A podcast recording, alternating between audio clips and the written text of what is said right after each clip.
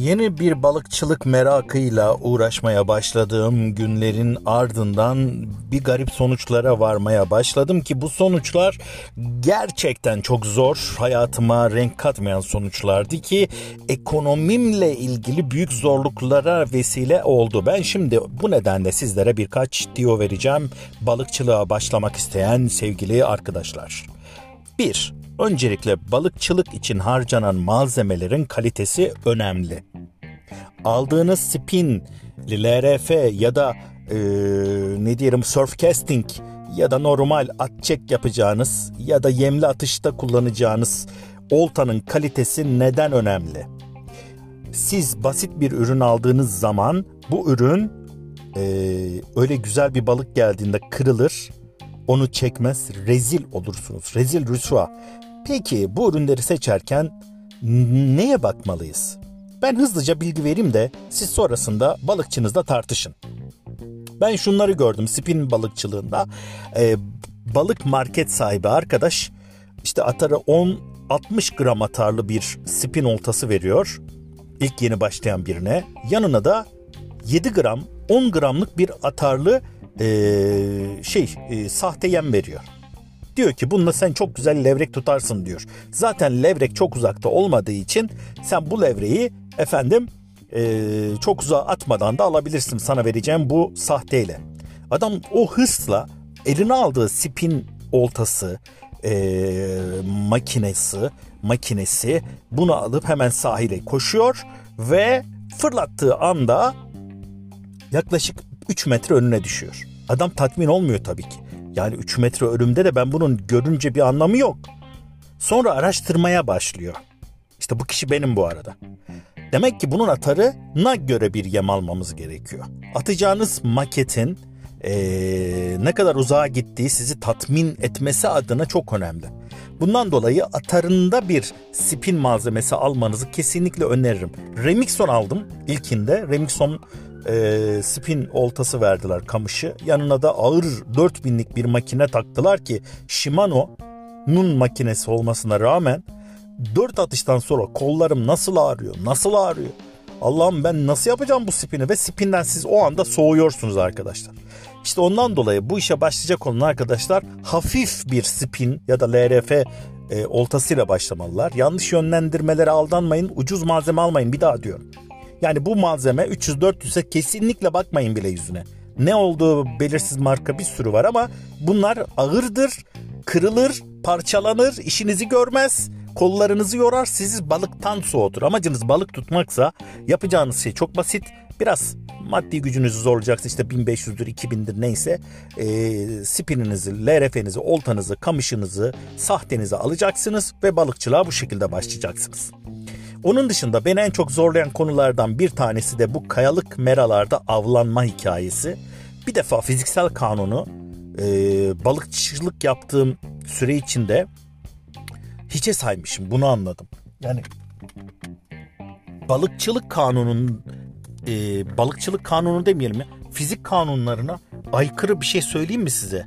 Elinizde dibe batan bir şey varsa o dibe batıyordur arkadaşlar. Ve bir de çengeli e, ucunda bir iğnesi de varsa bir yere mutlaka takılacaktır. Yani mantıksal olarak. Siz bunu bile bile fırlatıyorsunuz kayalık bir yerde ve o takılıyor. Ondan sonra da diyorsunuz ki balıkçıya abi ben bu yemi attım ama bu takılıyor. Balıkçı ne desin sana? Balıkçı ne yapsın sana? Arkadaşlar sığ bölgede, kayalık bölgede avlanırken avın, av yapacağınız e, yer böyle bir yerse yani kayalık bir mera ise e, su üstünü tercih etmelisiniz. Yaklaşık şöyle 30 santim altındaysa kayalık tabi atarı 10 santim e, daları 10 santim olan maketler var. Onları da kullanabilirsiniz ama takılma ihtimali çok yüksek olur. Jiki atamazsınız öyle kayalık merada. Hadi at bakalım nasıl çekeceksin? O jik takıldı gitti. Bir jikin tanesi size 100-150 lira. Yemin ediyorum sırf bu yüzden kaybımın 1000 liranın üzerinde olduğunu söyleyebilirim. Çok samimi söylüyorum. Yani sahte balık kaybım 1000 liranın üzerindedir. Üçüncü nokta e, düğümü yanlış atabiliyorsunuz. Elinizdeki çok kaliteli pahalı bir yem var ama siz e, ucundaki klipse o kadar dandik bir şey atmışsınız ki e, düğüm O nedenle önce öğreneceğiniz şey düğümdür. Yani düğüm nasıl atılır? Ben bu yeme ne yapsam doğru düzgün bir şekilde kopmaz, takılmaz. Bu da çok önemli. Üçüncü unsur seçeceğiniz işte 8 çarpı ipek örgü, 4 çarpı ipek örgü diyorlar ya. Bu da çok mühim. Yani e, seçeceğiniz 4 çarpı ol, olduğu zaman alacağınız meradaki balık büyük olursa onu part, patlatır. Ama 8 çarpı ve kaliteli bir Japon markası olduğunda patlatma olasılığı çok daha düşer. Bir diğer unsur ee, büyük balık yani biraz daha derinde olduğu için surf casting yapmanızı tavsiye ederim ama surf casting benim mesela omuzumun çıkmasına neredeyse neden oluyordu. Bundan dolayı da surf castinglerin bile pahalı olan modelleri var kamış olarak. Yine onları seçin. Hem hafif hem de uzağa fırlatabiliyorsunuz. Zaten 100-200 gram fırlatıyorsunuz. Yani bir top fırlatır gibi fırlatmaya özen gösteriyorsunuz. Alacağınız balık da ona göre büyüktür. İkinci unsur, üçüncü unsur LRF takımı seçimi. LRF'de ya LRF bana böyle bir şey geldiği an aklıma ilk gelen şey göllerde, küçük nehirlerde, barajlarda kullanılan bir şey aklıma geliyor. LRF'yi yani denizde kullanmak birazcık garip. Yani denizde kullanmanızın çok bir olasılığı yok. Çok uzağa atış sağlayamazsınız LRF için söylüyorum. LRF'de hadi tekneyle açıldığınızda denizin ortasındasınız. 5 metre, 7 metre, 8 metre fırlattınız. E, jig, jig havında güzeldir tabii ki. Jig'de fırlatabilirsiniz. Küçücük yemle büyük balıklar alabilirsiniz ama o derinlik nerede? Hani o derinlik nerede? E, denizin dalgalı bir deniz önündesin yemi fırlatsan iki buçuk gramlık yem sana tekrardan geri sekiyor. Adam ısrarla orada o yemi fırlatmaya çalışıyor. E, fizik kanununa ters. Önüne düşecek yem. Yani burada LRF'nin bir amacı yok. O yüzden spinle başlamanızı tavsiye ederim. Hani biraz daha büyük yemlerle ve lütfen rüzgara karşı yem fırlatmayı bırakın artık. Rüzgar ne tarafa doğru esiyorsa o tarafa doğru e, yönünüzü verin. Çünkü atacağınız yem e, ne kadar ağır olursa olsun rüzgar karşısına doğru döndüğünüz an yem size doğru gelecektir. Yani rüzgarı karşınıza almanızın bir esprisi yok. Bir diğer unsur. Balık hangi makete zıplar? Rengarenk bir sürü maket var. Hangi merada nereye zıplıyor? Ya bunu şey derler hep. O merada bulunan kişilere sorun şöyle olsun böyle olsun. Ya yemin ederim o merada balıklar varsa e, çok ucuz bir e, yeme bile zıplayabilir arkadaşlar.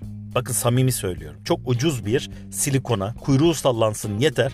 O silikona bile atlar. Yani yıllardır bizim büyüklerimiz bildiğiniz kaşığın arkasını söküp e, bir sürü trallar almışlar zamanında. Yani arka e, bunlar bir şeyler biliyorlar da bu şekilde avcılık yapıyorlar. Yani şu anda onun üstünü boyamayla, renklendirmeyle bu kural değişmeyecektir. Balıkçılıkla ilgili söyleyeceğim şey her şey çok pahalı. Muhtemelen e, Mustan marka değil mi? Mustan marka e, Mustak Mustat değil mi? Mustat marka Mustat. Mustat marka e, iğne çapraz iğne modelleri çok iyidir. Kalitelidir. Kolay kolay paslanmadığı için tavsiye edeceğim bir türdür. Ucuz iğneleri aldığınız zaman anında paslanıyor. E, bunu da çok gördüm. Bir diğer unsur büyükle büyük kefal su üstünde olmuyor arkadaşlar. Dipte oluyor çoğunlukla. Bunu da gördük. Ee, balıkçılıkla ilgili paylaşımlarım bu. Şimdilik aklıma gelen. Bunun devamında e, çekeceğim. Çok anlatacağım şeyler var. İnanılmaz şeyler var. Şimdilik bu birinci bölüm olsun. Bundan sonraki dakikalarda, bölümlerde sizlere e, diğer bilgileri de paylaşacağım. Paranızı koruyacağız hep beraber. Hepinize rast gelsin. Bu işe gönül veren arkadaşlara da selam olsun.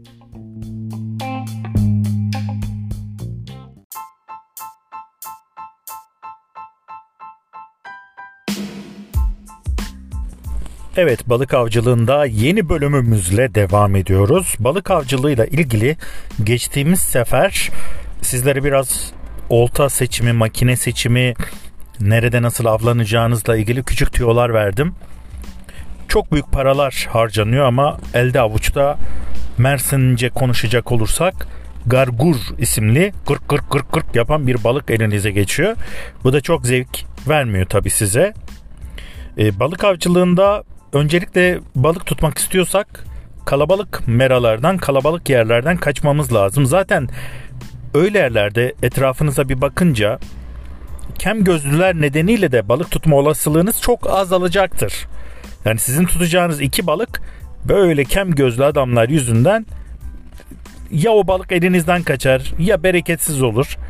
Böyle daha çok insanın az olduğu yerlerde avlanırsanız balık tutma şansınızı biraz daha fazla arttırırsınız diye hani bireysel olarak düşünüyorum. E, çünkü zaten para harcıyorsunuz. E, harcamış olduğunuz paranın hakkını vari alın. Ekonomik olması nedeniyle YouTube'dan işte e, köstek nasıl bağlanır, iğne nasıl bağlanır bunun gibi bilgileri alın. Geçtiğimiz günlerde bir girdim balık av markete tanesini 25 lira yapmışlar. Ya biz onları 1 liraya 25 kuruş alırdık. Bundan 7 yıl önce 8 yıl önce hatırlıyorum 1 liraya alırdım. AliExpress'ten gelen ürünler çok ucuz oluyor. Ben de birkaç kere denedim. Ama çok kalitesiz oluyor. O resimdeki gibi olmuyor. O yüzden hem bir ay bekliyorsunuz bir de şimdi dolar euro kurundan dolayı gelen ürünler hemen hemen aynı fiyata geliyor. Bu yüzden çok almanızı tavsiye etmiyorum AliExpress'ten. Şöyle güvendiğiniz bir balıkçıdan alın ya da internet üzerinden getirtin. Balığa giderken şapka takın, gözlük mutlaka takın doğru. Ee, özellikle şapka o fötürlü tap şapkalar var ya arkadaşlar onları özellikle takın çünkü e, bir de güneş kremi kullanın. Mersin Akdeniz bölgesi e, ve Türkiye'nin birçok yerinde yaz çok sıcak geçiyor. Bizim insanımız da heyecanlı öyle güneşin altında balık tutacağım diye koşa koşa çıkıyor. Ben de çıktım. Sonra e, pişmiş e, bir şekilde evinize gidiyorsunuz. Gerçekten çok utanç verici. Günlerce pişiğinizle kalıyorsunuz. E, balıkçılık için e, az ekipmanla gitmeniz sizin için iyi olacaktır. Bunun sebebi de yani yer değiştirirken onları toplamak çok zahmetli oluyor. Bir de hem spin hem de yemli avcılık yapmaya çalıştığınız zaman eliniz ayağınız birbirine karışıyor. Bu yüzden çok yoruluyorsunuz ve zevk alamıyorsunuz. O yüzden ya spin yapın yani LRF spin avcılığı yapın ya da yemli avlanın. İkisini bir arada yapmanız çok zor.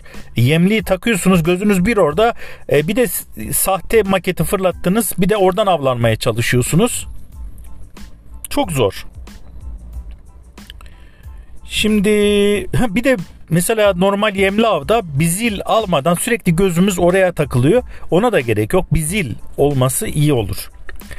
Ee, internette izlediğim kadarıyla jelibonla bile balık alınıyor. Vallahi alınıyor. Geçen biberin üzerine biber, e, üçlü kanca takmış adam. Spin yapıyor. Tatlı bir gölde balık aldı. Demek ki balık varsa alabiliyorsunuz. Yani böyle bir durum var. Ee, ondan dolayı maliyeti düşük yemler kullanmakta fayda var. Bugünlerde özellikle yem bulamadığınız zaman tavuk ciğeri de güzel bir yemdir. İşte boru kurdunun yerini tutmaz tabii ya da kargı midyenin ama e, yine de güzel bir yem olduğunu söyleyeyim. Tabii onu hazırlamak için ufak ufak parçalara bölmeniz hatta böyle uzun ince şeklinde bir solucan hissi vermeniz de sizin faydanıza olacaktır. Onları tuzlayıp şekerleyip dolaba buzluğa koyun. Şöyle bir gün bekletin ondan sonra kullanabilirsiniz. Kaliteli bir av için biraz hazırlık yapmakta fayda var. Bir de geçen izledim ben uygulayamadım ama bir kova içerisine e, 5-10 tane yumurta kırılıyordu ki şimdi yumurta da pahalı. E, biraz hamurla ya da ekmekle karıştırılıp iyice böyle kıvama getirip e, üçlü kancaya ya da tekli iki numara bir numara iğneye takıp e, yem olarak kullanan kişiler levrek avladıklarını gördüm. Çok şaşırmıştım. Ama işte alınıyor yani. Bunu da gördüm. Ki ekmeğe saldıran sadece kefal değil. Ben ben de birkaç kere çupra almışlığım var. Ee, başka balıklar da ekmeğe hücum edebiliyor. Öyle bir yere giderken yemsiz kaldım eyvah eyvah öldük bittik yapmayın. Ee, özellikle hafta sonu gidiyorsunuz yem bulma olasılığınız çok zor ee, balık balıkçınızdan. Ee, ne yapacaksınız? Ya onu rezerve edeceksiniz o yemleri ya da e, gideceksiniz ekmek alıp av merasına gidip orada avlanacaksınız. ekmekle de balık tutabilirsiniz yani. Bunu da söyleyeyim. Evet bu ikinci bölümü de bunun için çektik evet. Sebebi şu ekonomik maliyetler çok yükseldikçe e, bu tür hobilerin yapılırlığı da azalmaya başladı. Günden güne zaten balığın sahil balıkçılığının, kıyı balıkçılığının, olta balıkçılığının, amatör balıkçılığının günden güne bittiğini, azaldığını düşünebiliriz. Şimdi bir e, balık markete gittiğiniz zaman yemler çok satılıyor. Hala satılıyor ama bunun bir iki yılı üç yılı var. Denizler bu şekilde giderse e, inanın o gargur beğenmediğiniz garguru bile o denizden alamayacaksınız. Gerçekten çok kötü bir şey bu. E, büyüklerimizin yaşadığı o güzel duyguyu biz çocuklarımıza nasıl yaşatacağız? Böyle güzel hobileri nasıl edindireceğiz? Ee, ikinci unsur işin maliyeti sürekli altını çiziyorum. Bu fiyatlarla giderse zaten insanlar olta almayı bırakın el oltası alamayacak yakında. Çünkü bunların hepsi yurt dışından geliyor ve oradan gelen bu ürünler de çok pahalı. Adamlar da üstüne kar koyup satmak zorundalar. E balık yok. E pahalı bir de alacağımız malzeme. Adam hobisinden vazgeçer. Gider tenis yapmaya başlar. Değil mi? Yani tenis oynamaya başlayacaksınız. Başka hobi sporlar da var tabi. Onları değerlendirerek de e, ilerleyebiliyor insanlar. Ya benim birkaç hobim olduğu için özellikle balıkçılık da bunlardan bir tanesi. Ee, ama dediğim gibi maliyet olduğu için ben açık söyleyeyim elimdeki oltaları satmaya bile korkuyorum. Satarsam yerine geri alamam. Ama böyle de olmuyor. Balık yok sahilde. Evet yakın arkadaşlarınız varsa ve mideniz böyle bulanmayacaksa e, tekneyle avcılık da güzel bir seçenektir. 3-5 saat içinde hem balık tutarsınız hem de zevk alırsınız. Yani bu işin zevki tabii ki o. Bunu özellikle sizlere söyleyeyim. Bugünkü konumuzun e, balıkçılıkla ilgili olduğunu hatırlatarak programımızı sona erdirelim. Konuyla ilgili görüşlerinizi, bildirimlerinizi e, yorum kısmına yapabilirsiniz. Dinlediğiniz için teşekkürler. Bir sonraki kısımda bakalım neler konuşacağız. E, dinlemede kalın podcastlerimizi. E, YouTube, Spotify, Deezer, Google Podcast, değil mi? I, iPad, oralardan bizi güvenilir bir şekilde dinleyebilirsiniz. SoundCloud, e, sosyal medyanın böyle bir güzelliği var. Takip etmenizi diliyorum. Teşekkür ederim. Görüşmek üzere.